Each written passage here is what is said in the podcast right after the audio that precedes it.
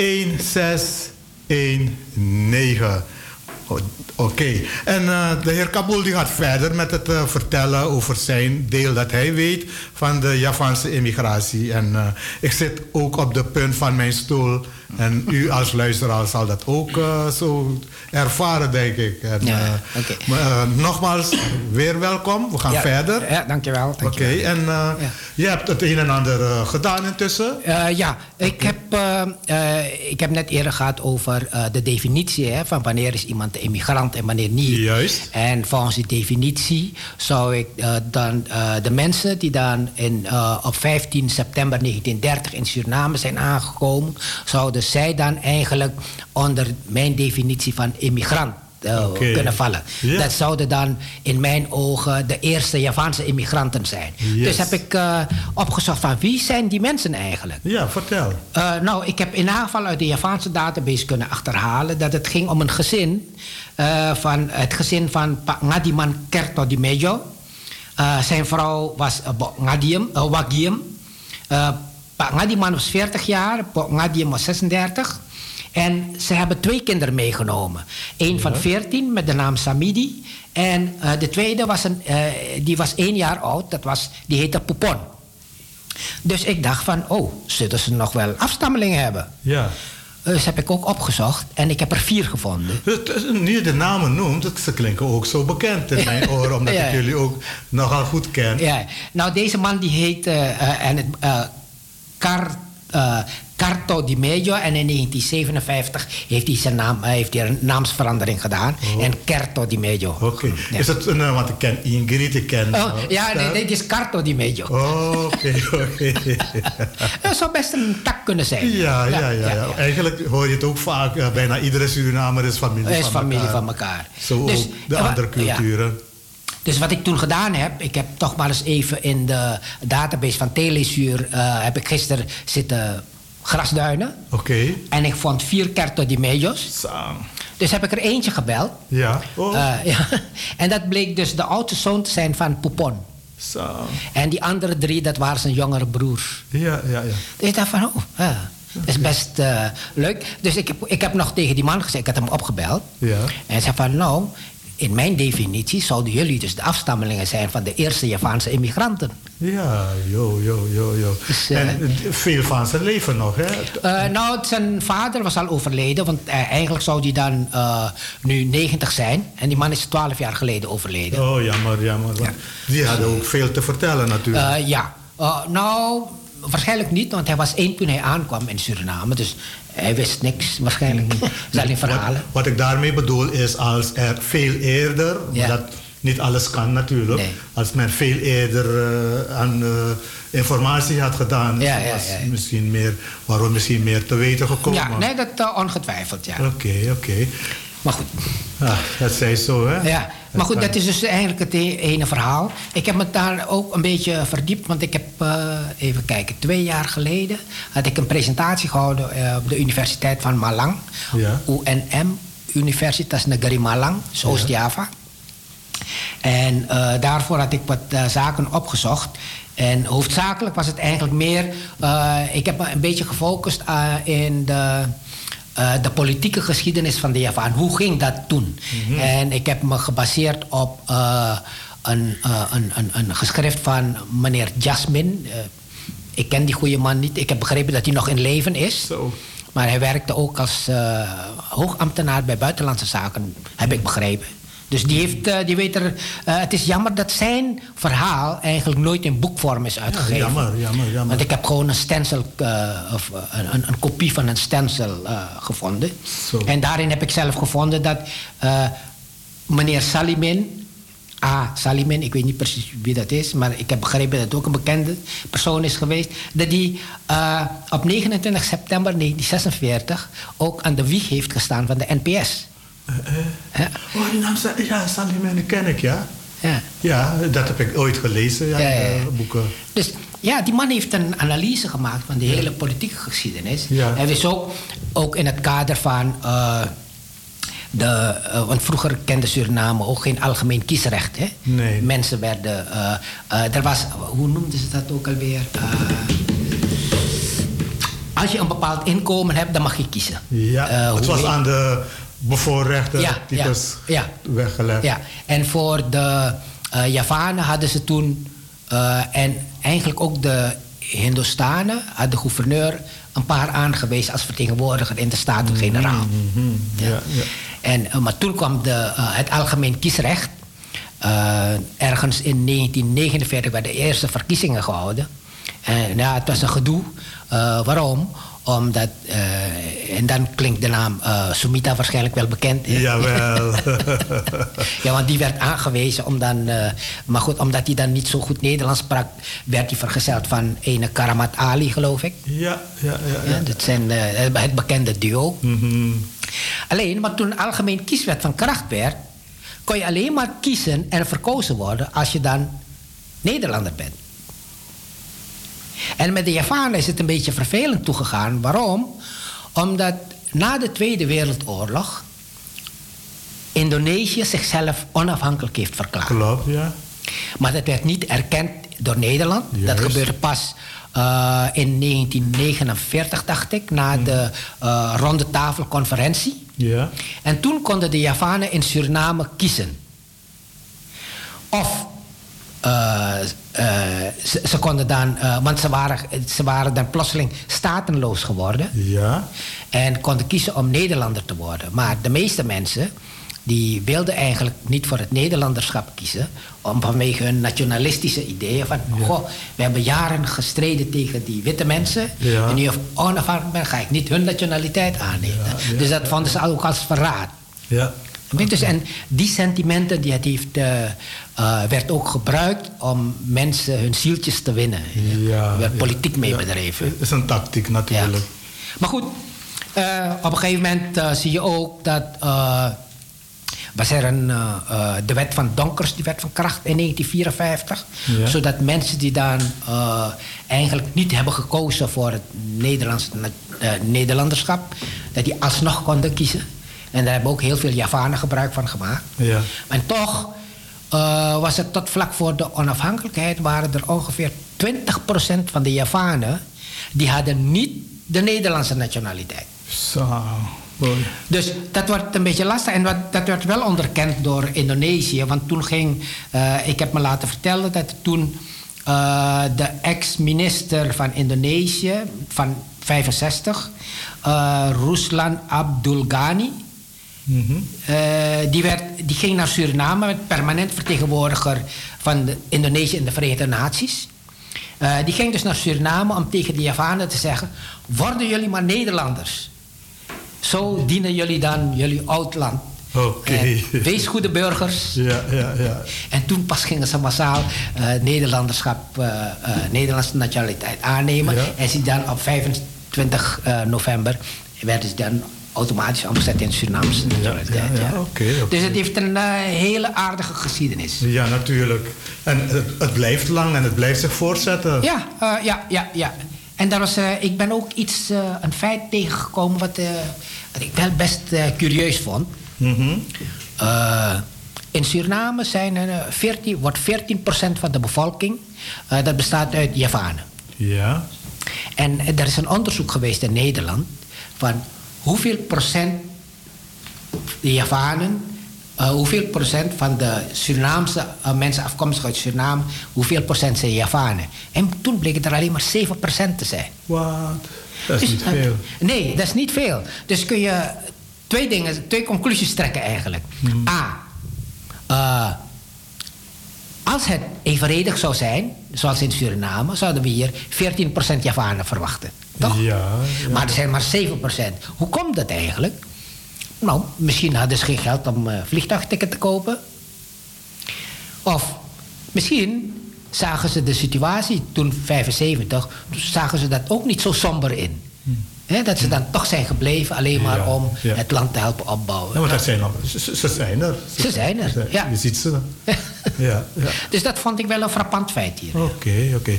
Oké, en maar één gedeelte, dat wil ik ook graag weten, of de luisteraars tenminste wel. Dat is dat gedeelte dat er uiteindelijk een keertje, dat weet ik niet uit het hoofd natuurlijk, dat de keuze werd gesteld aan de Javanen, want eh dan zouden er andere contractarbeiders het land binnenkomen, Suriname binnenkomen, dan was er een deel Tenminste, dan kon men kiezen om terug te gaan naar Indonesië. Ja, die keuze hebben ze altijd gehad. Alleen in de praktijk viel het best tegen. Want waarom? Precies. De, uh, er was geen geregelde scheepvaart tussen Suriname en uh, Indonesië. Ja. En uh, waardoor de mensen die dan ah, geld hebben gehad, hebben gespaard om terug, mee terug te nemen, mm. dat die hun geld hebben opgegeten alleen, alleen maar om een schip te vinden die dan uh, hun terug zouden kunnen brengen. Mm. Maar des, desondanks zijn er iets van 8000 en nog wat teruggekeerd. Hè? Ja. ja, want ik heb uh, ook mensen ontmoet, Javanen ontmoet, die in Frans-Guyana wonen. Dat is, ook een heel, dat is ook een andere groep, ja. Ja, en die kon, één kon mij vertellen, kon ze niet allemaal spreken natuurlijk, maar één kon mij vertellen dat, die, dat zij dus ook onder uh, valse voorwensels werden gelokt naar de grens. Ja. En uh, precies waar kon hij me niet vertellen, want hij was ook een, een kleine jongen. Ja. En dat ze dus daar zouden worden opgehaald door een schip. Of door schepen. Ah, ja, die, dat heb ik niet gehoord. Ja, en uh, uiteindelijk kwam dat schip niet, kwamen de schepen niet. Ja, ja. Dus ze waren uh, genoodzaakt om daar te bivakeren. Onder allerlei erbarmelijke omstandigheden. En in hutjes, snel gebouwde hutjes. En, en je weet uit ervaring zelf dat als je geduld hebt en als je vooruitstrevend bent, dan hebben ze zich toch opgebouwd. Uh, en zijn dan de rivier overgestoken en zijn dus, hebben zich jaren gevestigd in Frans-Guyana. Ja, en daar zitten ze nog steeds. Ja, er is een groep toen de tijd onder leiding van uh, uh, Danu die man geloof ik die zag het ook niet zitten, dus die, is, uh, gewoon, die ging met de hele groep naar Frans-Guyana. Mm -hmm, yeah. En die groep is steeds groter geworden. Ja, ja, ja, ja. oké, okay, oké. Okay. Mooi. Maar zo zijn er ook mensen naar Miami of zo. Ja, ja. Uit het Caribisch gebied. Ja. Maar dat kan je bijna dus... Uh, on, dat, dat gedeelte wil ik dan ook even laten bekendmaken. Dat is dan die moderne tijd. Hè? Dus dat we over praten, praten over de misschien de tachtiger jaren ja, of na de onafhankelijkheid. Ja, om en bij de onafhankelijkheid. Ja, dat, dat de verspreiding dus werelds heeft plaatsgevonden. Ja, nee, dat klopt, ja. ja. En, en oké, okay, dan zijn we, komen, belanden wij nu bij nu. Ja. En uh, wat vind je zelfs van de Javanen? Wat, we zien het gebeuren natuurlijk. En, uh, maar ja, misschien heb jij wat cijfers. Hoe doen ze het? Uh, hoe nou, sterk zijn ze geworden? Er is heel weinig bekend eigenlijk. Oh, okay. het is een stille groep. Mm -hmm. je hoort ze niet. ja, ik, de, soms zit ik me af te vragen van hoe, hoe, hoe hebben we het gedaan in deze maatschappij? Ja. Want kijk, als voorzitter van Stichting Shift word ik wel eens gevraagd op, uh, bij andere organisaties om een, een, woord, uh, een paar woorden daarover te zeggen.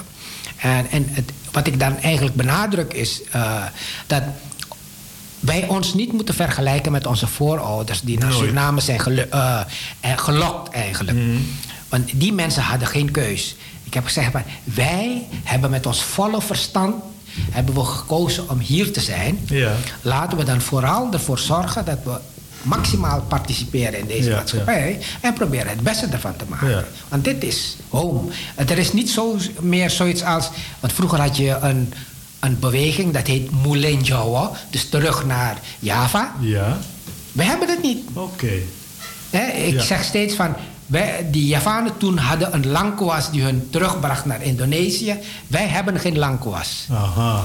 En ik geloof niet dat wij ook een langkoas willen. Ja, maar kijk, inderdaad, maar dan doen alle ouders, ongeacht ja. afkomst, ja. die leren je altijd van kijk vooruit, ja. doe je ding en uh, kijk nooit achterom, want dan uh, schaadt het jou. Dus uh, wees met het heden bezig en doe je best. Ja. En als ik uh, kijk naar mijn vrienden onder alle culturen, ik blijf het altijd benoemen, alle culturen hebben heel veel bereikt.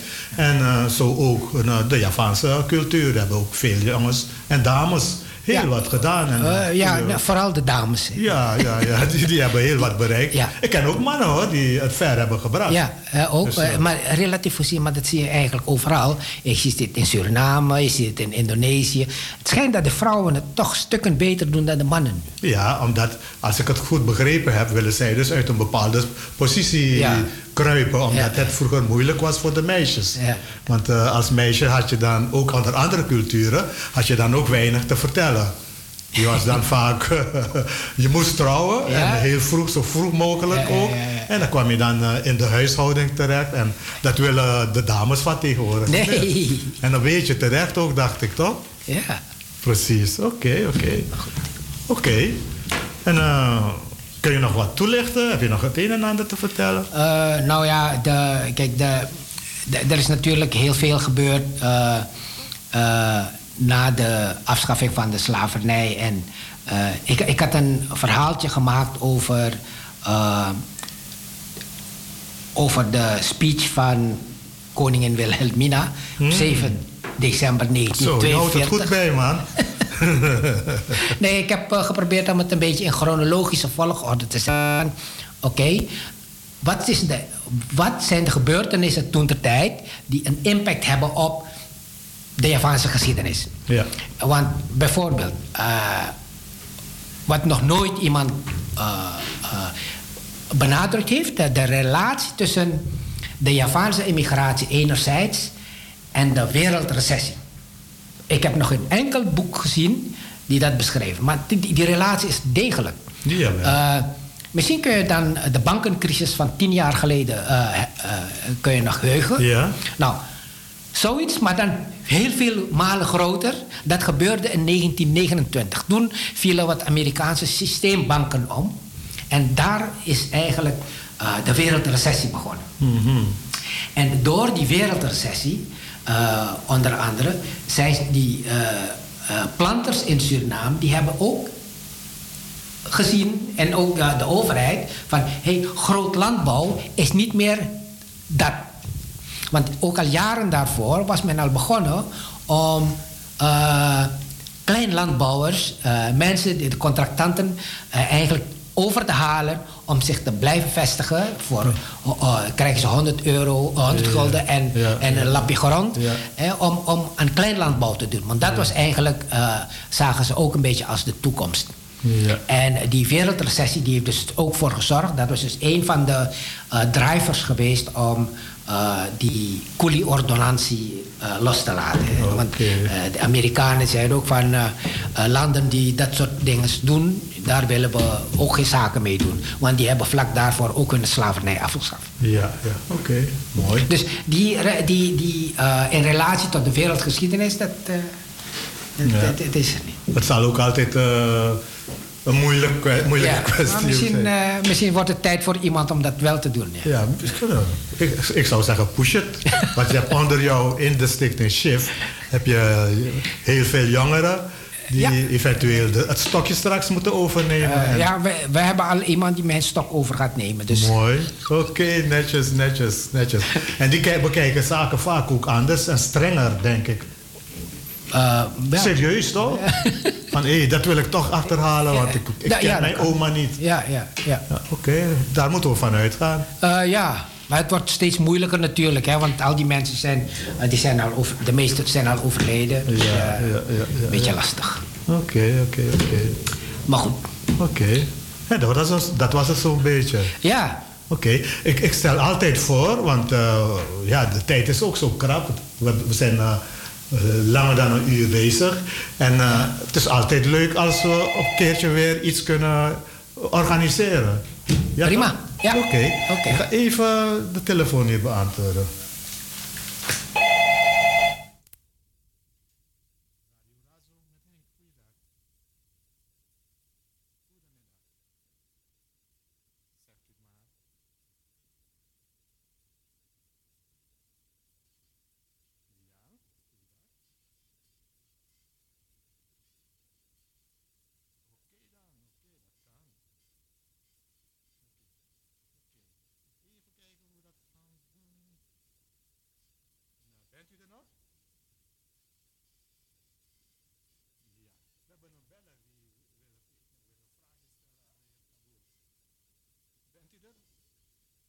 Okay, even kijken. De technische man is vrij vandaag. Dus ja, ja, ja, even kijken. Ja, even kijken. Ja, hoort u ons? Ja hoor. Hoort u mij ook? Ja, ik hoor u ver weg.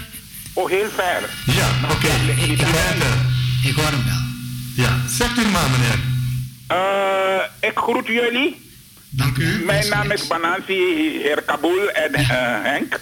Ja, dank u wel. Dank u wel, eens gelijks. Ja, ik heb meneer Kabul aangehoord. En uh, ja, ik wil zo beginnen. Ik heb even uitgerekend, als hij zegt dat uh, 9 augustus uh, ze 129 jaar gaan herdenken van uh, immigratie, ik noem het zo, immigratie Javaanse ras naar Suriname. Ja. Als ik het uitreken, moet het zo zijn geweest in 1890. Klopt, ja. Klopt, ja. Kijk eens aan.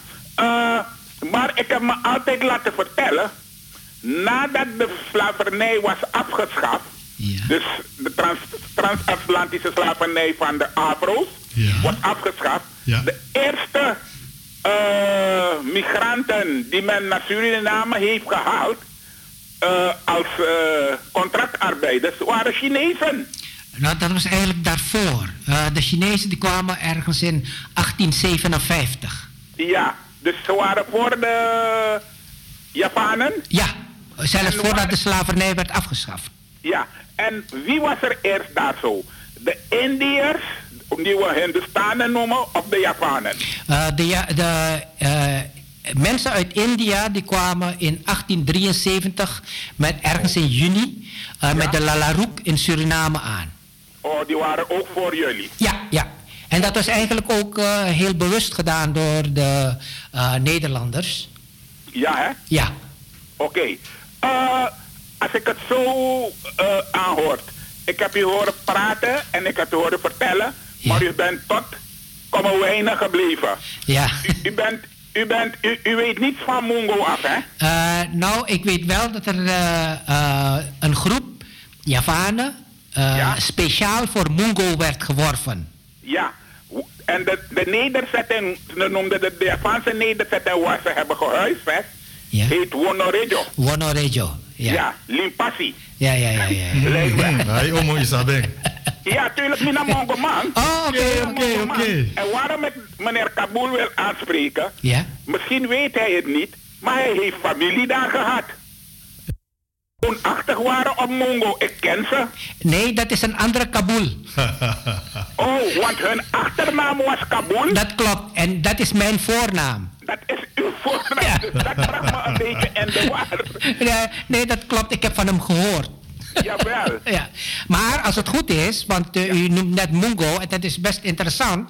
Ja. Want uh, we hebben het net gehad over de, uh, het gezin, wat ik eigenlijk beschouw als de eerste Javaanse vrije immigrant in Suriname. Ja. daar was een meneer Poupon. Ja. hij, is dus, dus, hij was dus een Indonesiër. Als eenjarige jongen kwam hij naar Suriname. En die heeft dus ook in Mongo, op Mongo gewoond. Ja, ja, zal wel, zal wel. Die naam komt op Mongo wel bekend voor, hoor. Ja, ja. Maar het zijn dan, uh, ik weet niet hoe het zit, het zijn dan inheemse mensen die die naam ook hebben. Is het zo? Ja, ja hoor. Oh. ik weet niet hoe het zit, maar, oh. maar wat ik u verder wil zeggen, u had het over die, het, het, het gerecht, hè, behalve die pichel, had het over een gerecht, kip, chibbeling, of hoe dat ding heet. Uh, maar die, die is bij mij niet zo bekend. Maar wat ik u kan zeggen, ja. en daar kan je een lotis van maken. Oh, ja, ja, ja, ja, ja, ja. Ja, toch? Ja, ja, ja. Je bedoelde waarschijnlijk die, die Janang Bening. Jangan Bening. Ja, die ken ik niet. Oh. Jangan Bening ken ik niet. Misschien als hij het uitlegt precies hoe precies Pichel ken ik. Maar die kabels, die lotis. Ja, ja, ja. En daar kan je ook komkommer van Ja, maken. ja. Boy. Ja, ja, ja. ja. Papaya of groene manje. Nee, dat klopt, ja. Jawel. ja. Nee, maar die Jangan Bening is eigenlijk soep. Ja, soep, ja, ja. Soep. Uh, ik, als zou ik namen willen noemen, u zult ze niet kennen, want u bent niet op Mongo geweest. Uh, dus, uh, alleen op bezoek. alleen op bezoek? Ja. Oh, dus u hebt wel Mongo bezocht en Ja, ja, ja. wel naar Bonoregio geweest? nou, waarschijnlijk wel ook naar Wonoregio, ja, want ik heb daar ook overnacht. Oké. En wat vindt u van Mongo? Wat vond u van de, de Japanse mensen die, als u het vergelijkt, dat u ze hebt meegemaakt op Kommerwijnen? En u hebt ze ook meegemaakt op Mongo. Wat vindt u van? Uh, nou, moet ik zeggen, want dit gaat over zeker een 40 jaar geleden. Kunt u bijna niet meer herinneren, hè? Nee. Moeilijk, moeilijk. Het is moeilijk, moeilijk. Moeilijk. Maar, We hebben- ja, goed. maar meneer Glenn, meneer Henk, Ja, deze man, als ik hem heb aangehoord, dus vanaf hij is begonnen over eh, drieën, ja. is begonnen, hij weet veel Inderdaad. van zijn eh, geschiedenis af.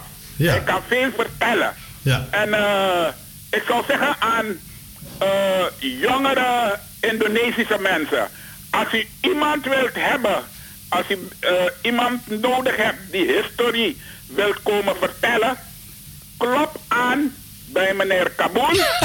en dan eh, wordt je haarfijn Ja. alles uitgelegd. Zeker weten. Ik ben trots op de heer Kabul, want ik heb hem leren kennen. En eh, ik heb, net wat ik eerder aangaf, ik heb goed geluisterd, want dat doe ik altijd als ik mensen leer kennen. En Ja. toen zag ik in eh, de heer Kabul een intelligente man. En weet er veel van, vooral van de Javaanse gemeenschap. En, Ja. eh, en inderdaad, omdat het nu gaat om de immigratie, de Ja. eerste persoon waar ik aan dacht was Kabul. Kijk eens aan, je hebt, eh, je hebt goed aangeklopt. Ja. En je hebt eh, ons het een en ander laten horen Ja. uit zijn mond. Juist. Hij is goed eh, onderricht Oké. Zeker. wel. om de verhalen door te geven, Ja. door te vertellen. Ik, ik, ik heb... zou zeggen, meneer Kabul, Ja. eh, ik wens u alle succes toe. Hartelijk dank. ik hoop u een fijne dag, de negende. Eens gelijks. Dank u wel. Oké, all the best. Oké, dank je. Meneer, voor, voor u ophangt, ik, eh, ik proef in u ook een eh, bekende, eh, dat u ook heel veel weet. En eh, wie weet organiseren wij ook een interview waar wij dus ook een ander de gelegenheid bieden om zijn verhaal te komen vertellen. Is dat goed? Eh, ik ben altijd bereid. Ja. Als u mij maar eh, probeert te bereiken. Ja? Door een geel te geven. Oké. En dan eh, komt het voor elkaar van mijn kant uit. Oké, mag ik een telefoonnummer on- on- noteren? Je, hebt het nu, je ziet het nu toch? Eh, ik heb hier een, ja, het is hier makkelijk, Zeg het moeilijk. niet, zeg het niet, zeg Nee, het niet. meer begrijp, meer begrijp. Alles, allemaal. Ja, Dat is begrijp. de bedoeling niet. Nee. Maar als je het ziet, Ja. dan kan je mij daarop bereiken. Dat is goed. We gaan ons best doen. Hoor je niks van mij, dan wil dat niet zeggen dat het niet kan. Maar dan Nee. bel me een keertje op een ander momentje. Dat is goed. Want het lijkt me heel goed. belangrijk om jou ook in de studio te krijgen. Jawel, ik ben bekend met een paar van jouw eh, Collega's. collega's. Oké, Zoals eh, Frits van Eyck. oké, dan weet ik hoe ik aan jouw nummer kom. Nee, die heeft mijn nummer niet. Miga, dat Biga? jammer.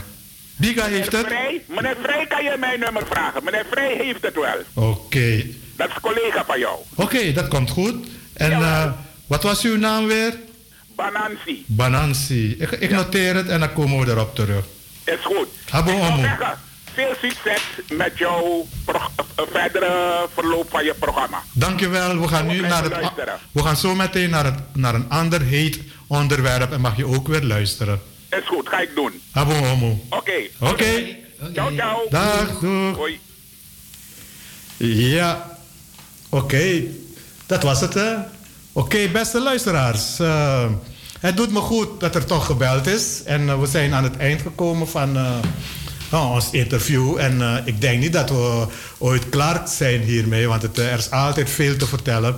En we zullen altijd weer eh, proberen om de heer Kabul weer naar de studio te lokken of te krijgen. No problem. Oké, dank u voor uw komst. En, Graag gedaan. Oké, En ook bedankt voor de uitnodiging. graag gedaan. En tot de volgende keer. Zeker weten. Wel thuis straks. Dank je. Groeten aan de familie. Doe ik. Dank je. Eens gelijk. Oké, Doei. Doei. doei.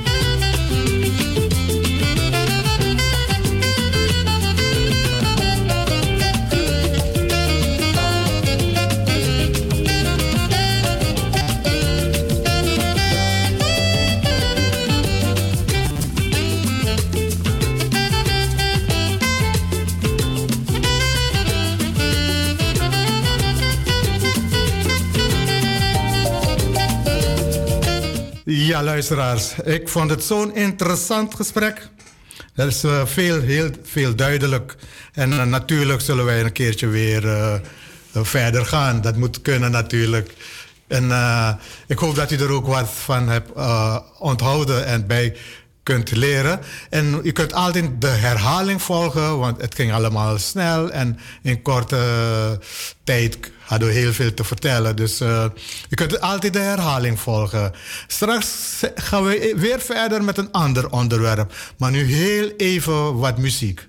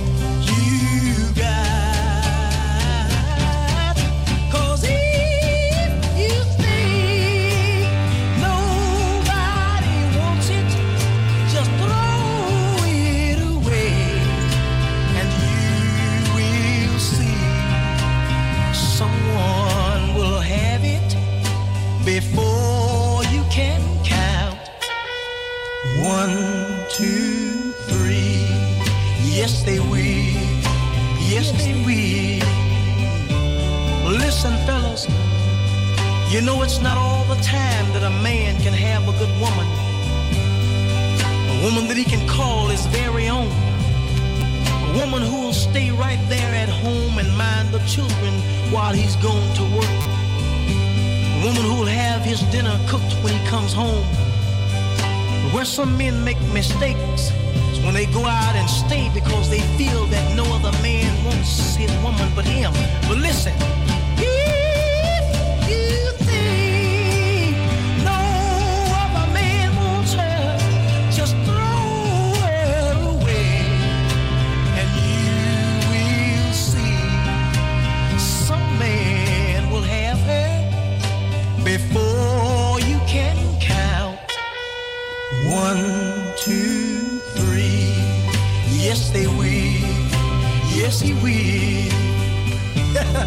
Listen, girls, this goes for you too. Because you know I've seen so many women who've had so many good men in life. Men who would stand by them through thick and thin.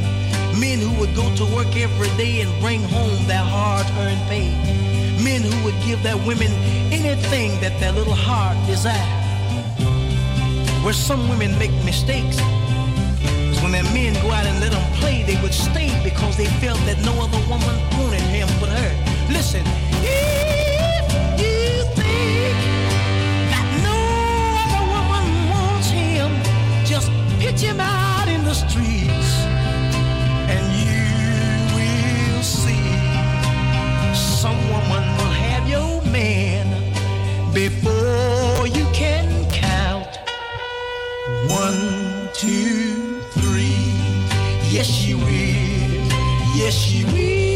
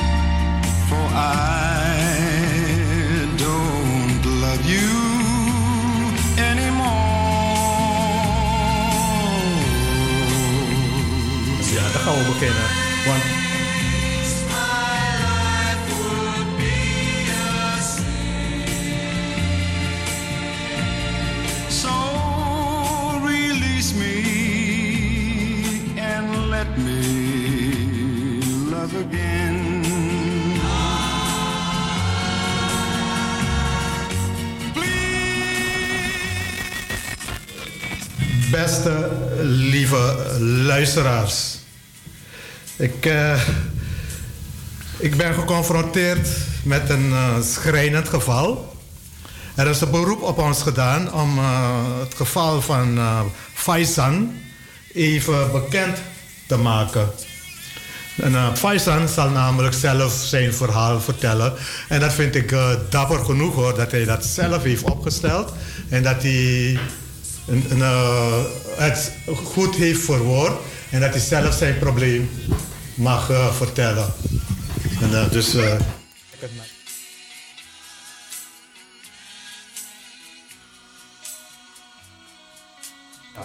dus ik vind het dapper dat Faisal, die met een groot probleem zit, het ook zelf wil vertellen. En ik ga hem aan het woord laten, zodat u, luisteraars en eventueel een, ehm, instanties eh, eh, die dat horen, wat kunnen doen en wat kunnen betekenen voor deze jongeman van 13 jaar. Brand los, Faisal. Ga je gang. Wees Goedemorgen. alvast welkom. Blij dat je er bent. Goedemorgen, Vertel. goedemorgen, mevrouw de advocaat. Ik ben Faizan en 13 jaar oud. Onderweg naar mijn verblijf heb ik deze brief in de auto geschreven om hulp te vragen, waarbij Glenda Faizelman dit aan u zal overhandigen. Ik schrijf deze brief omdat ik onterecht op een plek zit die mijn oma, vader en ik niet hebben gekozen. Ik voel me opgesloten in een plek waar ik niet wil zijn. Gepest, spullen afgepakt, gestraft en kan niks doen. en vraag u om voor mij op te komen. Ik mag geen telefoon, tablet of computer hebben. Eén keer per week 10 minuten mag ik met mijn oma bellen en als ik huil wordt de verbinding verbroken. Vanaf mijn tiende jaar woon ik bij mijn oma, omdat de relatie tussen mij en mijn moeder niet goed ging. Vanaf het begin van mijn aankomst in Nederland heeft mijn oma om hulp, voor mij voor, om hulp gezocht bij de jeugdzorg. Om mij te ondersteunen, om ondersteuning te krijgen bij mijn trauma's. Mijn oma gaf aan dat zij alles wilde doen om mij de hulp te geven waarbij ik geholpen word. Ik heb groep 8 overgeslagen en zit op het Marcanti College, waar ik hard heb gewerkt voor het VMBOT-advies. Trots op mezelf dat ik vorige week dankzij mijn oma tot de toetsen digitaal kon maken. Ondanks het vragen van mijn oma mij naar Amsterdam te brengen voor de toetsenweek. Het ging hartstikke goed met mij totdat ik vorig jaar slaaptablet had ingenomen in september. Ik ben uit huis geplaatst en door wat ik heb gedaan. Ik ben in het afgelopen maand niet geholpen zoals mijn oma had gevraagd. Ik ben naar de instelling van Spirit geplaatst en ik ben in elkaar geslagen door oudere jongens tussen de 16 en 18 jaar. Drugsgebruik, pestgedrag, uitschelden en uitlokken. Glenda Vijzerman ondersteunt, begeleidt, helpt mijn oma en vader door mijn verlenging onder toezichtstelling niet door te laten gaan. Zij, hebben samen vorige week de eigen krachtbijeenkomst gehad om een plan op te stellen voor het terugplaatsen bij mijn oma. Afgelopen weken heeft mijn oma met verschillende instanties zoals minister van VWS, AKE, gemeenteraadsleden, Amsterdam, Rijksoverheid, Info, mevrouw Westerveld, Inspectie van Onderwijs, meneer Willems, de Tweede Kamer, burgemeester van Amsterdam, de heer Don Ceder, ChristenUnie en mevrouw Sylvana Simons een brief overhandigd bij de laatste gemeenteraadvergadering. Met alles wat er misging bij mij het afgelopen jaar onder toezicht van je bescherming en spirit. Zo, dat is heftig. En uh, ondanks dat heb je dus toch uh, je school kunnen regelen. En uh, waar ben je terecht gesteld, kan je zeggen? Welke stad? Ik ben in Friesland terechtgekomen. In Friesland terechtgekomen. En ik, ik, je vertelt dat je de, op de nou, Marcanti College zat in Amsterdam. Ja. Reisde je iedere dag hierheen? Nee, want het, ik ben twee maanden terug daar geplaatst. En sinds ik daar ben mag ik niet meer naar mijn eigen school meer. Oké, okay. en, en en hoe is het dus verlopen met je school intussen? Want ja, ik ben niet meer naar school gegaan. En dat wordt je dus uh, niet gegund, kan je daarop zeggen? Ja. Oké, okay. en wat deed je dan al die tijd daar binnen? Ja, boeken lezen. Verder kan je niks doen. Je mag geen telefoon, tv kijken. Kan ook niet, want er wordt steeds omgevochten. Je kan bijna niks doen. Je wordt bijna iedere dag naar je kamer gestuurd. Mm -hmm. En de, de leiding, wat doen zij? En enige wat ze zeggen is ga naar je kamer. Oké, okay, dat is alles wat ze zeggen? Ja, soms zeggen ze helemaal niks. Oké, okay. oké, okay, dat is heftig. En, uh, en, wat ook heftig is, dat je geen school mag volgen, wat eigenlijk verplicht is voor ieder uh, minderjarige, hè, mevrouw ja. Vijzelman. Precies, ja, dat is waar. Ja. En um, oma, net zoals hij aangaf in die brief, is dat hij dan um, probeer, dat zij probeerde dat hij toch naar Amsterdam kon komen om. Ja die toetsen te maken. En gelukkig heeft hij het goed gedaan. Ja, prachtig en hoor. Uh, hij heeft wel een, uh, ja, hij heeft gewoon een uh, goed rapport gehad, dus hij is wel over. Maar doordat hij dus nu buiten Amsterdam is geplaatst, onder toezicht, wat oma en zijn papa niet wilden en hij ook, wordt hij eigenlijk, voor mijn gevoel, wordt hij daar vastgehouden tegen zijn wil. Ja, ja, en wat, en waarom ik ben ingestapt is omdat ik uh, oma ken van way back. Ja. En uh, vandaar dat ik dus ben ingestapt om te kijken hoe, hoe ik hun kan ondersteunen om dat voor elkaar ja, te krijgen. Ja, en als, uh, als, ik gewoon, als ik gewoon het hele verhaal lees vanaf vorig jaar, uh, augustus dat het is gebeurd tot nu, is hij gewoon steeds van plek naar plek ver, verhuisd. En oma heeft vanaf het begin om hulp gevraagd. En die hulp is niet toegezegd en ook gebeurd. Mm -hmm. Oma mag ook een... Uh... Ja, oma. En wat is de reden, oma? Welkom. En, uh, u mag ook wat vertellen. Wat is de reden dat uh, de hulp niet werd geaccepteerd? Hebben ze u wat verteld? Ze hebben mij niks verteld. Alles wat daar gebeurde werd in de doofpot gestopt. Als ik iets hoorde, dan is het van mijn kleinzoon. Ja. En dan belde ik hun op. Ja. Bijvoorbeeld, er zijn, waren een paar junkies daar in huis. Mm, mm, ik zeg, hoe kunnen jullie... Ze hebben mijn kleinzoon in elkaar geslagen. Mm, en als ik ze bel en zeg... Jullie zeggen mijn huis is niet veilig voor die jongen. Maar is hij veilig dan bij jullie? Juist. Ja, maar die jongens roken op straat en daar kunnen wij niks aan doen. Ja, ja, ja. Maar ze komen wel bij die kleine jongens. Ja. En die worden lekker in elkaar geslagen. En niemand die daar opkomt voor die kleine jongens. ja. En wat was hun reden dat ze je in elkaar sloegen? Nou, eentje had de hele dag crack zitten roken daar. Oh la la. Dat is drugs. Hij heeft het aan iedereen verteld. Ik, zit on, ik ben stijf van de drugs. En er wordt niet opgetreden. Pas toen ze hem in elkaar hadden geslagen... heeft mijn kleinzoon me om 12 uur s'avonds pas gebeld. Ik heb meteen um, Raad van Kinderbescherming, Jeugdzorg...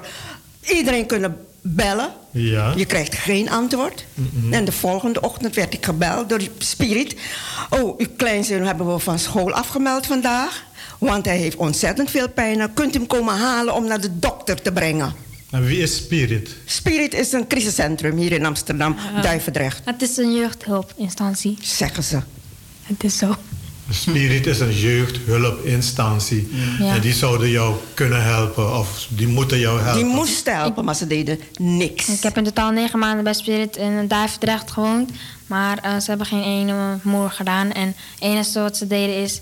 eh, ja, niet echt veel, maar de jongens slaan in elkaar en ze doen niks. En, dan, eh, en wanneer we Raad van Kinderbescherming of Jeugdbescherming een eh, berichtje sturen of bellen... dan krijgen we pas na honderd keer dat we die berichtje hebben gestuurd... zeggen ze, oh wat erg, maar verder doen ze er ook niks mee. Nee.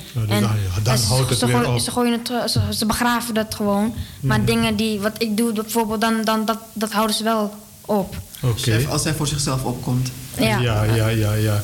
Ik vind het wel knap van je hoor. Eerlijk, je verdient een power, high five van mij. En eh, natuurlijk moet er een oplossing komen. Ja. Hoe gaan we dat aanpakken? Nou, kijk, ehm, ja, de, de situatie is nu zo van dat hij ehm, nu ehm, afgelopen week, dus uh, vakantie, is hij eh, teruggekomen. Maar ook gewoon met plekken, bijvoorbeeld een blauwe plek op zijn lichaam. Hey, we zijn naar artsen geweest, we hebben gewoon een aantal ook, een, eh, ook aanklacht gedaan en ook dat ze het ook hebben vastgelegd. En toen zeiden ze, we kunnen niks doen. Ik zei, maar als het mijn eigen kind was, zou ik hem niet terugbrengen. Nee, nee. Ik zei, nee. want, ik, zei van, ik zei, want eigenlijk zeggen jullie van... ja, we zien wat er gebeurt... maar omdat het eh, bij de rechtbank is vastgelegd... dan moet het kind teruggeplaatst worden. En dan zeg ik van, hoe kan dat nou? Ja, hoe ja. kan jij een kind terugplaatsen... ehm, als hij daar niet... ehm, zijn, zijn veiligheid wordt gewaarborgd. Mhm. en, dat hij, en dat er niet toezicht wordt gehouden op de zorg die hij moet krijgen. En Ja. eigenlijk is het gewoon van kwaad naar erger gegaan. Ja. En ik heb die mensen ook gezegd, ik zei van... de manier wat er, wat er nu, hier, wat, eh, nu gaande is en wat er gebeurt, kan niet. Dus we hebben gewoon wel stappen ondernomen. Maar we zitten toch met het feit van dat eh, zij, hij terug moet geplaatst worden. Hij moet gewoon terug. Onder deze omstandigheden. Mhm. En niemand, niemand, niemand die wat kan. Nee, en nog iets. Hij heeft de GPS meegekregen naar mijn huis. We hebben twee weken vakantie aangevraagd. En hij moet meneer, meneertje uh, Spier, uh, Friesland wil hebben. Vier. Vier. Dat hij vier keer in, die, in één week hun belt om te zeggen... ik ben veilig bij mijn oma. Ik heb gezegd, hij is bij jullie geweest. Hij was daar niet veilig. Maar hij mocht mij niet bellen. Dus ze draaien die rollen helemaal om. Ja, ja, ja. ja. Van ze willen checken of hij veilig bij mij is. Ja, maar dat ja. hij daar onveilig is, dan mag hij mij niet bellen. ja. En, en, en waar... En nog iets, nog iets. Hij is ziek geweest. Hij heeft vier keer overgegeven op één avond. Oké. Met een beetje bloed erbij. Oh joh, De volgende ochtend, Beetje of veel? heel veel dus. oké, de volgende ochtend, 9 uur bellen ze mij op. Ja, we moeten Arma naar de dokter brengen, want hij heeft vier keer overgegeven met een beetje bloed erbij. Oké, het was 9 uur morgens. Om drie uur komt de leider bij hem en die zegt... je hebt iets op Facebook gezet, op je maps gezet over jeugdzorg... en als je het niet weghaalt, dan brengen wij jou niet naar de dokter. Ik had een eh, review geschreven over mijn gezinsmanager bij jeugdbescherming. En ehm, ze hadden mij bedraagd, als ik hem niet afhaal, dan zou ik niet naar de dokter mogen. En als ik het er ook niet afhaal, dan zou ik ook veel gevolgen zou krijgen. En, en wat is die reden? Wat is de reden dat je het niet mag posten? Um, Op Facebook. Dat hebben ze me niet verteld. En ze hebben bedrag van als ik hem niet afhaal, dan word ik ver- vervolgd door de rechtbank. En dat er aangifte tegen mij zou gedaan worden. En verder eh, bleef ze maar met die dingen praten, om mij alleen een beetje bang te maken. Maar omdat ik zo ziek was, wil, wilde ik gewoon naar een dokter gaan. Dus ik ben, heb het gewoon eraf gehaald voor hun neus. En ehm, ja, toen ben ik naar de dokter gegaan. Ja, hoe laat? Ik ben pas om zeven uur eh, de volgende dag naar de dokter gebracht. Na een dag, na 24 uur. Ja. Ja. En wat zegt de dokter? Ehm, de leiding vandaar moest bij zijn bij hem in de kamer. Hij mocht niet alleen met de dokter praten. En na tien minuten moest hij dan buiten. En toen gingen ze smoesen, zei de dokter... Oh, je mankeert niks hoor. Je mag naar huis, want je kan springen, je kan zingen, je kan van alles. De jongen lag half dood daar met zijn kop helemaal op zijn schouders. En dan kwam die dokter zeggen... Niks aan de hand, je mag naar huis. Zo, jongen. Ze spelen dus gewoon onder een hoedje. Ja, natuurlijk. En- En dat is, ja, zeg En maar. de afgelopen weken is- is het best wel warm geweest. En ik slaap op mijn kamer, uh, zolder, waar geen airco en ventilator is. En ik heb mijn kamer gemeten en buiten is het 35 graden, maar binnen in de, de kamer zelf is het 45 graden. En dus ik kan echt na, nachtenlang kan ik niet slapen omdat het te warm is. En s'avonds word ik ook bang gemaakt, want mijn deur mag niet op slot van de brandveiligheid. Worden mijn deur opengemaakt. Krijg ik water onder mijn deur van de jongeren, dan rennen ze de trap weer naar beneden. En, en het is ook niet veilig daar, want als de trap daar in brand is, is maar één uitweg. Dus er is ook niet, het is geen veiligheid, er is maar één uitweg. Ja, zelfs wij als volwassenen, ik gooide mijn ramen open, de deur open s'avonds, de buitendeur. precies. en toch kwam ik er niet uit. En laat staan een, een gesloten ruimte. En mijn kamer kan, mijn raam kan net een heel klein stukje open. Je kan nog niet eens één vinger eh, doorheen doen, oh, want eh, zo klein is die raam. Dat is vreselijk. Oké, oké. En eh, En je kan overal klagen, het helpt niet. Het AKJ zou ons ook helpen, maar eh, sinds ze mijn dossier hebben binnengekregen, eh, willen ze ook geen hulp meer bieden. Eh, ja, alle soort instanties willen ook niet meer helpen, omdat ze mijn dossier hebben ingezien en niet meer willen helpen. wat is een, je noemde net een naam? AKJ AKJ, wat is dat? is eh, jeugd, gaat over de jeugdhulp. Kan je klachten over de jeugdhulp dienen? Oké. En die zouden jou ook moeten zou- die- helpen, begeleiden. En dat gebeurt dus ook niet. Die hadden mij beloofd en stond ook op papier dat ze mij zouden helpen met problemen met de jeugdzorg. En vanochtend zijn wij gebeld vanochtend dat eh, wij niet meer hulp zouden krijgen in verband met eh, omdat de jeugdbescherming, ze kunnen er niks aan doen. Mhm. Oké, oké. Knap lastig. Eh, ik, eh, ik ben natuurlijk ook nieuwsgierig. Dat moet verder eh, gaan natuurlijk eh, als begeleidster. Ja, Ja, want met pijn in mijn hart moet ik die jongen maandag aanstaande terugsturen naar Friesland. En dat kan toch niet? Nee, Twee doktoren hebben gezegd, als het mijn kind was, had ik ze niet gestuurd. De politie heeft hetzelfde beaamd. en er is een rapport ook opgemaakt, hè? Ja, ja. En eh, toch moet ik hem sturen, want AKJ zei me vanmorgen... als u het niet doet, dan komt hij in grote problemen. Dus eh, ja, we zitten dus gewoon met een dilemma van eh, wat is wijsheid. En ik, ik, naar mij inzien, zou ik hem niet terugsturen. En willen we kijken of we dan met een advocaat of die dat gewoon kan eh, opleggen. Van dat, dus die, eh, eh, dat hij gewoon daar niet naartoe eh, terug kan gaan. Ja. Even wel met zijn veiligheid, maar ook de zorg. ja. Moet dat dan niet snel gebeuren? Dat jullie de We juridisch... zijn ermee bezig. We zijn ermee we zijn er al bezig. twee weken mee bezig. Maar En wij we- zijn moslims, die jongens daar pesten want twee van ze zijn homo's. Hij slaapt op de zolderkamer. Stel je voor dat er wat gebeurt. Niemand hoort het daar. Ja, ja, ja. ja. Oké. En ze hebben zijn kleren in varkensvet. Wij eten geen varken. En de leiding kijkt maar toe en die lachen ons uit. Ja.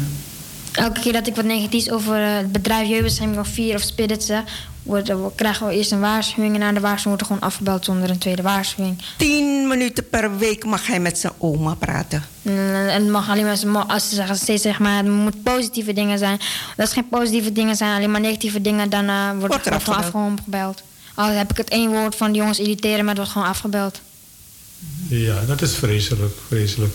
Hier moet toch eh, wat aan gedaan worden. En het liefst zo gauw mogelijk. En eh, alle bellen trekken natuurlijk. Alle alarmbellen moeten gaan. Nou, we hebben overal aangetrokken hoor, maar ze sturen alle brieven naar jeugdzorg. ja, zodat ze dan gewoon, want ze dekken elkaar in. Ja, wat moet je dan doen? Ik heb wel 15 brieven gestuurd naar de, alle overheden. En eh, mijn, mijn gezinsmanager, mijn oude gezinsmanager heeft dingen geschreven. Want ze wil mijn ondertoezichtstelling Oh, ja. verlengen. Eh, 27 augustus wil ze die verlengen. En heeft ze naar de rechter gestuurd dat mijn vader bijna ter overlijden komt. En die heeft een paar hartinfarcten gehad een paar jaar terug. En eh, dan nu denkt ze dat hij opeens doodgaat. En dat mijn oma dement is en gek is. Dat zij niet meer kan nadenken ze voor hebben zichzelf. geschreven, oma heeft ouderdomskwalen. Ja. Dus En vader heeft maar heel kort te leven. er Is wel zij op. soms God om dat te bepalen voor mijn zoon? Nee, tuurlijk niet. En er staat ook nog onder dat ze dit van de huisdokter hebben binnengekregen. Dus volgens mij hebben we nog privacy. Ook dat we als we met iets met de dokter bespreken, dat we ook nog privacy hebben. Dat, dat we niet zomaar mogen delen met je, je, je, jeugdbescherming mag de- gedeeld worden zomaar. Mhm. Volgens mij hebben ze daar ook een beroepsgeheim op. Ja, zeker Zo. weten. Precies. Oké, oké, oké.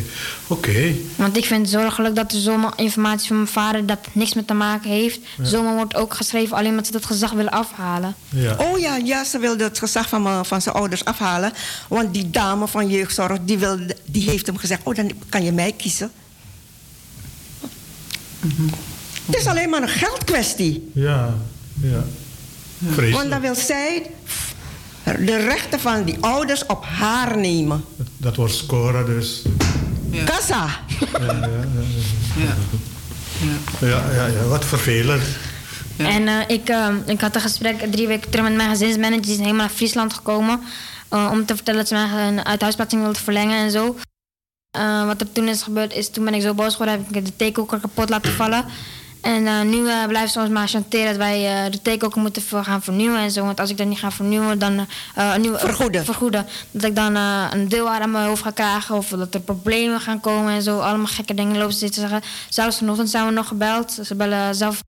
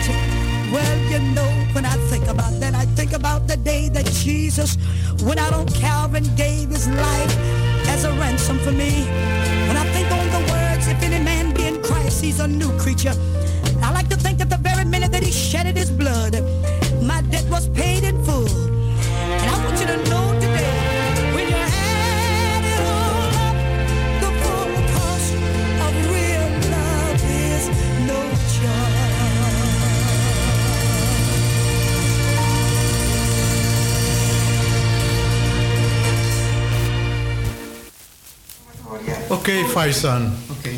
En, eh, luisteraars, u hoort het. Dit is een heel schrijnend geval. En dat wilt u niet meemaken, maar hier krijg je de rillingen van over je rug. En eh, de persoon in kwestie, dat is Faisan van 13 jaar, die, die, die kan het goed verwoorden. En eh, die wil nog iets zeggen, want het zit je goed dwars. Wat zou je tot besluit nog willen vertellen? Ja, want eh, ik heb gehoord dat ik de recht heb op mijn dossiers en zo. En eh, wanneer ik mijn dossiers heb aangevraagd bij Spirit, eh, Jeugdhulp en Jeugdbescherming Amsterdam, Regio Amsterdam, hebben ze hem allemaal gezegd: het gaat vier maanden duren voordat ik hem ga krijgen. En ik, ik, mijn gevoel zegt gewoon dat ze doen ze expres omdat het na de rechtszaak pas is. En Mhm. dat vind ik gewoon, ja, gewoon corruptie. Ja, ja, ja, ja. En, wat, en ze zeggen steeds dat er alleen hulp beschikbaar is in Friesland. Maar ik heb zelf met mijn psychiater gesproken in Amsterdam bij de bascule. En die heeft mij gewoon verteld, er is gewoon hulp hier beschikbaar. Maar als je toch naar Friesland gaat, dan hoef je geen hulp hier, eh, dan kunnen we geen hulp hier voor je starten. Want we weten dat je naar Friesland gaat. Maar als je hier zou ooit komen wonen weer of je gaat blijven, dan is er gewoon hulp hier voor, voor jou beschikbaar. Ja, ja, ja, oké. Want d- d- daar stuurt men dus op af. Ja. Oké. Oké. En het is wel een bijzondere situatie waar we nu in zitten. Mhm. En waar ik een keer ben. Omdat ik denk van ja, hij is 13 jaar, maar hij komt voor zijn rechten op. Ja, dat hoor En ik ik ook. vind van dat een kind die geplaagd, gepest en ook eigenlijk verwond, eh, zeg maar dat we het gewoon kunnen aantonen en ook kunnen Mm. zien, dan kan ik me niet voorstellen dat onder die wetgevende macht of die macht die zegt van dat hij terug moet gaan, dat je dat kind daar terugplaatst. Juist, Dat ja. snap ik echt niet. Ja. Dus vandaar dat ik ook echt zoiets heb van. En ik heb het ook deze gezegd van als het mijn kind was geweest, of mijn jongens of wat dan ook, hadden ze een Mhm. probleem gehad. Mhm. Ik zei van dan kunnen jullie met politie of weet ik wat op me komen. Ik zei maar dat, dat gaat hem niet meer worden. Mhm. Ik zei dus hij gaat niet terug. Ik zei alleen, nu is het zo van dat, hij, dat het dus ehm, door de rechterlijke macht is bepaald, waardoor hij teruggeplaatst moet worden. En dan denk ik van, wat kunnen wij doen als eh, medestanders om het kind te ondersteunen? Want Ja. hij geeft het ook aan, we, hebben het ook, we kunnen het allemaal ook zien, dat hij niet terug kan gaan. Mhm. Want ik, zou, ik zelf zou niet naar die situatie teruggaan van waar ik word geslagen en waar, ik- waar ik niet veilig ben. Maar Onder toezicht Ja, van de ja. overheid. Anders ging je met plezier. Ik heb ook de foto's gezien waar je dus onder de blauwe plekken ziet. En. Je benen, je handen, alles. Je tenen. Ja, precies. Ja. Dus een, eh, Ja, en dan eh, was een keer een jongen die eh, heel boos was thuisgekomen bij de groep. En eh, die vloog gelijk mij aan. En we greepten mijn keel en ging met zijn keel, hield hij me tegen de muur aan. En dat deed best wel veel pijn. En het enige wat de leiding daarover heeft gedaan, is alleen met de jongen praten. En eh, verder hebben ze er helemaal niks meer gedaan. En wat was de reden dat hij jou aanvloog? Ja, er was een conflict tussen ik en de jongen over een bal. Want er was een bal op het dak gevallen, dat was mijn schuld. En toen Oh. zeiden ze zich mee gaan bemengen. En is er een ruzie geworden. En toen heeft hij me gewoon bij mijn keel gegrepen en eh, op, eh, tegen de muur aangeduwd. ja, maar Mhm. jij bent ook een van de, jong, een van de jongsten ook daar. Ja. Ja, De ja, leeftijd van die jongens, wat is het ook alweer, die jongens, hun leeftijd? Eh, ze zijn tussen de 16 en 18 jaar. En hij is pas 13. Dus, Ja, dus dat is een groot daar, verschil. ja. En ben jij de pispaal dus? Ja. En de leiding kijkt toe, lacht hem uit en doet niks. Mhm, mhm. ja, de leiding durft niet in te grijpen. Ja, ja, ja. Oké, oké. Nou, eh, vervelend. Dat moet inderdaad aan gewerkt worden. Ik hoop dat jullie eruit komen. Ja. En eh, het, eh, ik, ik hoor, de, de luisteraars die horen het ook. Hopelijk hebben instanties dat ook gehoord. En dat ze ook eh, een, een hulp bieden, een, een, een, advies, wat er ook uit kan komen om eh, ja, uit deze situatie te helpen natuurlijk. Ja, want het is een kind die eh, Ja. aangeeft Ja. dat, het, dat er iets niet goed is in, Juist, eh, ja. in zo'n instelling of in zo'n Ja. organisatie. Ja, want beviel het jou, dan zou dit niet eh, aan de hand zijn natuurlijk. Nee. Dan zou je je lekker voelen, je happy voelen. Want op mijn vorige groep in Duivendrecht had ik allemaal vrijheid. Ik kon gewoon naar school gaan, ik kon mijn dingen doen. Alles, telefoon, alles had ik gewoon daar. Mhm. Dat is gewoon als een normale woongroep. Maar waar ik nu zit, heb ik geen telefoon. Ik mag niet naar buiten, ik mag niks kopen. Alle, alle je pasjes en je legitimatie, alles wat je bij hebt, wordt er gewoon ingenomen. Mhm. Je hebt gewoon een bed en een lamp in je kamer en een kast met kleren. Verder heb je niks. En ook, je mag ook niet studeren dus, heb ik begrepen. Nee, ik mag niet naar school. Kom je, eh, eh, krijg je iets van je ouders of zo, gelijk, je wordt helemaal gefouilleerd. Je zakken, je tas, alles wordt gecontroleerd. Het lijkt net een detentie. eh. Ja, zelfs in de Snoep. Bijlmerbaaiers gebeurde dat niet. Sno- als, eh, snoep en drinken worden ook gewoon ingenomen. Die krijg je ook niet, die moet je verdienen eigenlijk. Mhm. Dus dat, dat, dat- ja. Want eh, ik volg de s- programma's s'avonds ook op tv. Dan hoor je dat er toch het een en ander de, de, de gevangenis ingesmokkeld wordt. Heel Ja. veel dingen waarvan je zou denken: wauw, dit kan je niet zomaar in een eh, broekzak meenemen. Snap je? Ja. En bij jou wordt alles eh, afgepakt, helemaal finaal gefouilleerd. Dus ja. oké, oké. Oké, en eh, ja, wat moeten we nu doen? Wat kunnen we doen? Wat gaan we doen? Nou, ik denk dat de enige oplossing is, is dat ik niet meer terug ga. En dat er maar een betere plek wordt gevonden in Amsterdam. Oké. Of bij oma. Of bij Ja, dat mag Of, ook. of bij Ja. oma. Oké, dus ik denk dat jullie morgen heel veel we- huiswerk hebben, heel veel te doen hebben. hè? Nou, het loopt al. Het loopt al. zijn. Ja, we zijn sinds dag één zijn we daar mee bezig, maar het gaat gewoon veel te langzaam. Het systeem van Nederland is gewoon veel te druk. Ja, zo daar zijn we aan gewend eigenlijk. In normale situaties hebben we er last van. Last van in zo'n eh, Ja. moeilijke, schrijnende situatie waar het op een snelle manier zou moeten gebeuren. Precies, vooral waar een, eh, de veiligheid van een kind vind Precies. ik vooral belangrijk. Dat het gewoon... eh, Right. En wat ik ook vind is, mijn vader woont in Den Haag met mijn broertje en mijn moeder. En mijn oma woont in Amsterdam. En soms moeten we op gesprek komen. Dus gewoon een soort systeemgesprek noemen ze dat. En dan moeten ze helemaal uit eh, Den Haag en Amsterdam helemaal naar eh, Leeuwarden komen. En dat gesprek net 10 minuten, en eh, dan mogen we niet eens alleen praten en dan moeten ze weer weg. En het kost me 80 euro benzine iedere keer als ik ga. Ja, en dan, dan kost het ook nog eh, 20, 25 euro voor mijn vader die uit Den Haag moet komen. En dan zeggen ze, ja, dat moet je terugkrijgen van de kinderbijslag. Terwijl hun die kinderbijslag krijgen, want onze kinderbijslag is ook gestopt. Oké dan. Oké, dus we krijgen alles. Ook dat. Dus het kost, hun, mo- hun moeten eigenlijk uit hun eigen zak gaan betalen om mij gaan, te op gaan zoeken. En mogen ze alleen maar vijf minuten even met mij zitten of tien minuten en dan eh, mo- moeten ze weg. Want Met sta- een begeleider Er zit een begeleider erbij. En we kunnen niet eens wat gaan eten, want het is net gewoon een gevangenis. Je zit gewoon op, één- je zit gewoon op één terrein met hekken overal. Je kan nergens naartoe. Je kan niet weglopen, niks. Het is gewoon één groot terrein. En juist die mentor van hem zit mij steeds aan te bedreigen en uit te ja. spelen.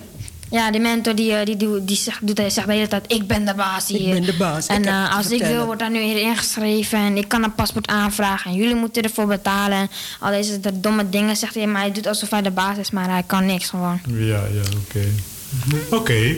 Eh, ja, ik, ik, ik, ik ben blij dat je dit hebt kunnen vertellen. Eh, de instanties zijn ermee aan het werk. Ik, ik had mijn, mijn mogelijkheid was dat je het eh, in de ether kon vertellen. We hopen en we, we- we willen graag dat eh, er hulp geboden kan worden. Nu men het hoogstwaarschijnlijk gehoord heeft. En eh, ik, ik hoop het allerbeste voor jou. Dankjewel. En eh, zet hem op en ga ervoor. Ja. En, eh, heb je nog een wens? Heb je nog iets te vragen? Nee. Niet? Je hebt alles verteld wat je wilde vertellen? Ja. Oké, oké. En nu is het afwachten van eh, Terug naar Amsterdam. hoe het verloopt. Ja. Dus eh, hou me op de hoogte. Zeker. Ja, toch? En eh, die mevrouw daar weet mij te vinden. Ja. Dus eh, daar gaat het niet om. Maar eh, Gaat om hem. blijf wel rustig onder alle omstandigheden. U ook, oma. Ik kan Ja, me voorstellen nou, dat u Ik kookt. heb Surinaams bloed hoor. Ja, wij allemaal. Vechten daarvoor. dus, eh, maar doe uw best en eh, Dank u wel. blijf rustig, want alleen u kunt de verliezer zijn en jij en de begeleidster in dit. Dus blijf toch onder alle omstandigheden rustig. Positief. Hoe lastig het ook is, hoe zwaar het ook is. Dus, eh, dus laten we hopen dat er men reageert en een he- helpende hand kan bieden. Hartstikke Oké? Hartstikke bedankt. Dankjewel. Dankjewel. Oké, graag gedaan. En Dankjewel. eh, succes. Hou me op de hoogte. Ja. Oké. Zeker. Luisteraars, u heeft het gehoord. Het leven bestaat niet alleen maar uit lol en mooie muziek draaien. Het bestaat ook uit allerlei dingetjes natuurlijk. En eh, dank je en wel thuis straks. En eh, we praten nog even verder.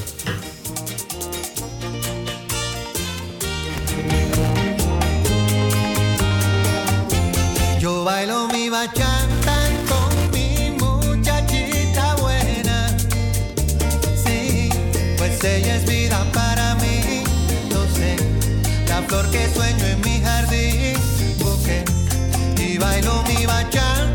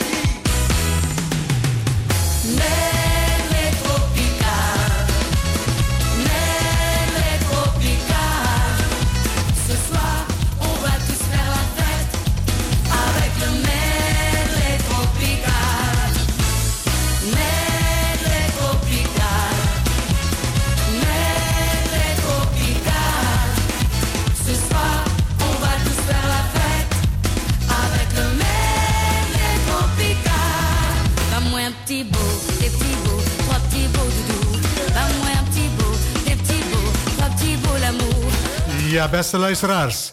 U hoort het. Het leven bestaat uit kommer en kwel. Ook leuke dingen natuurlijk. Maar wat deze kleine jongeman, die zijn woordje goed staat, is overkomen, dat is heel schrijnend. Ik hoop dat hij een oplossing vindt. Tenminste, hij, de familie en zijn begeleidster. Wij wensen hem alle succes toe. En eh, wij proberen toch weer de draad hier in de studio op te pakken. En eh, we willen u toch niet van de vrolijke muziek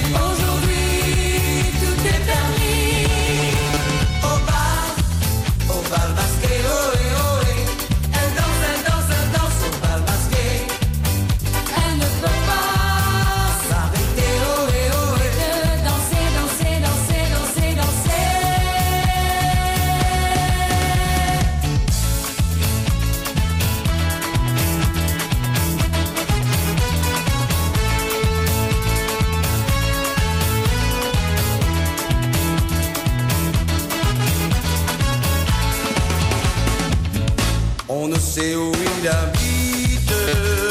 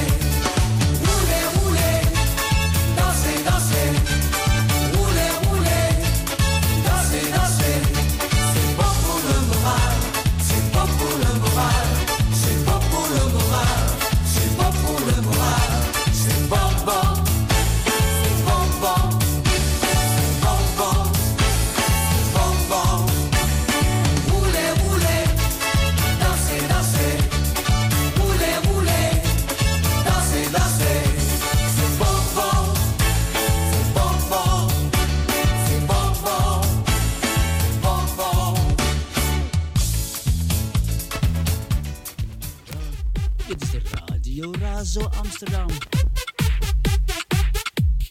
Radio Razo. Radio Razo. Razo Amsterdam. Music Vibration. 103.8 kabel, 105.2 etten, telefoonnummer 0207371619. Dit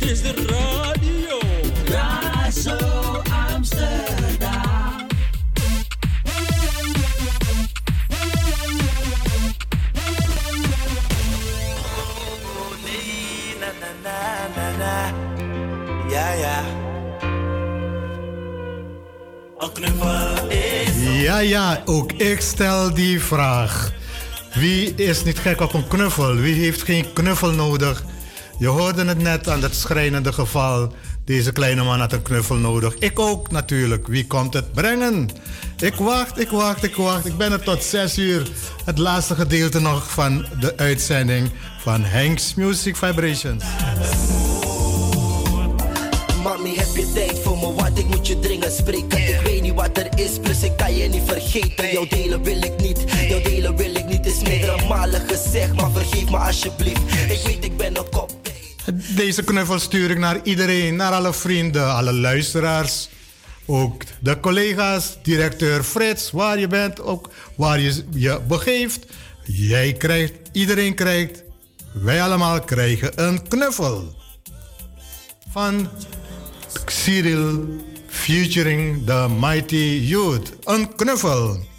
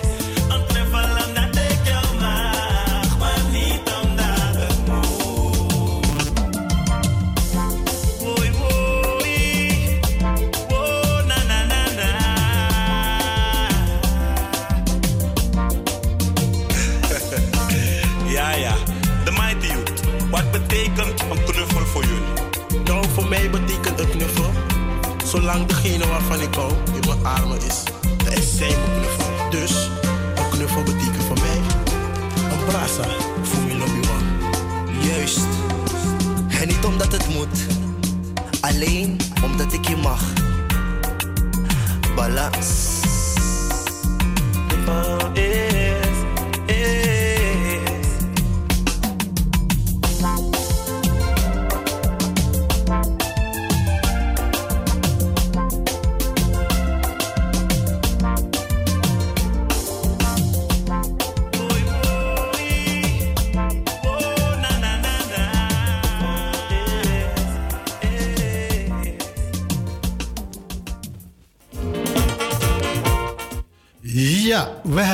Zo'n 12 minuten te gaan. En die willen we vrolijk, vrolijk, vrolijk afsluiten. Ik heb het nummer van de formatie, de New Masters. De inheemse formatie dus. Die brengen nu de, met de titel Semme Semme. En aangezien het vrijdag de dag van de inheemsen in Suriname is... heb ik dus sowieso weer aan deze jongens gedacht en aan de inheemse luisteraars. Geniet u ervan. Semme Semme. Gezellige inheemse Kaseko muziek.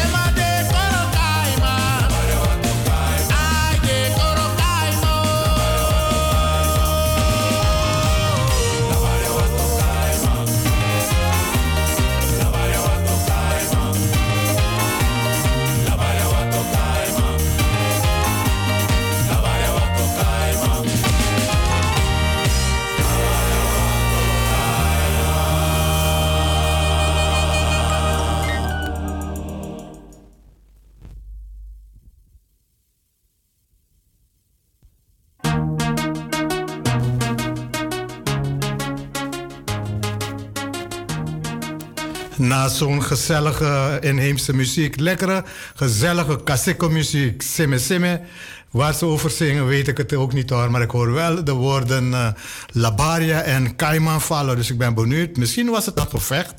In elk geval geen gevecht van mij uit naar u, lieve luisteraars toe. We gaan nu naar eh, Nelson Freitas, Rebound Chick. Dat zijn de laatste minuten die ik nog eh, heb om te gaan, want dan neemt mijn collega het over. Zo meteen. I'm off to the club tonight to find me a one night thing. Oh, been out the game for a while, but I'm back fresher than ever. Not about to let nobody tie me down. Cause when you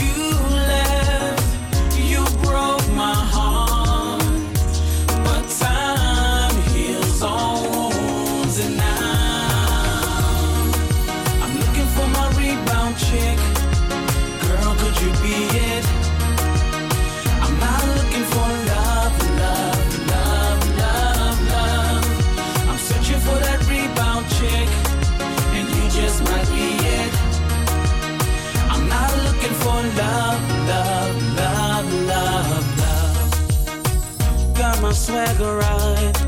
I'm headed to the club tonight. I'm gonna get crazy, stupid, might even cross the line. I'm gonna get my drink on and blame it on the alcohol. So please, ladies, don't you hold none of this against me, no,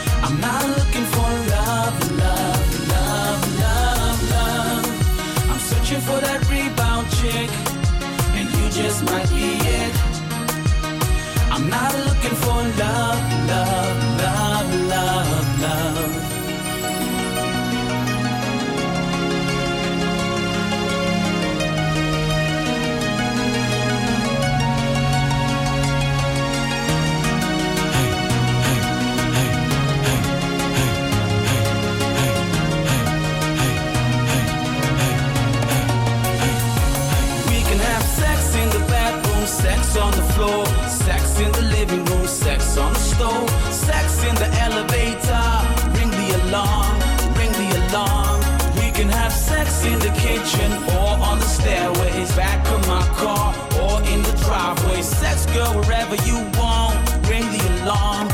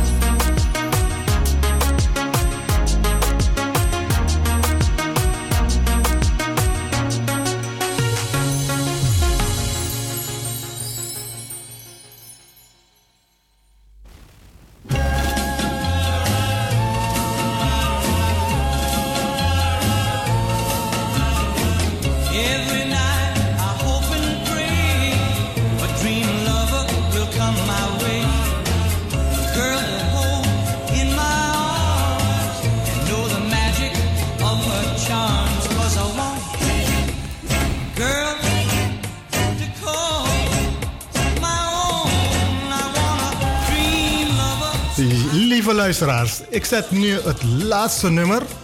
Hopelijk eh, kan ik hem uitdraaien. En dan zal ik u zo meteen eh, de groeten doen.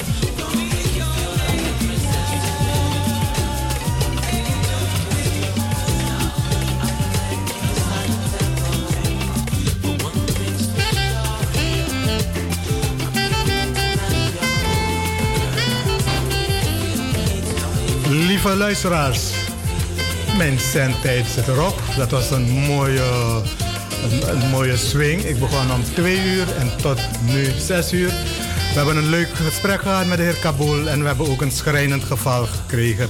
En die kwam zo plotseling.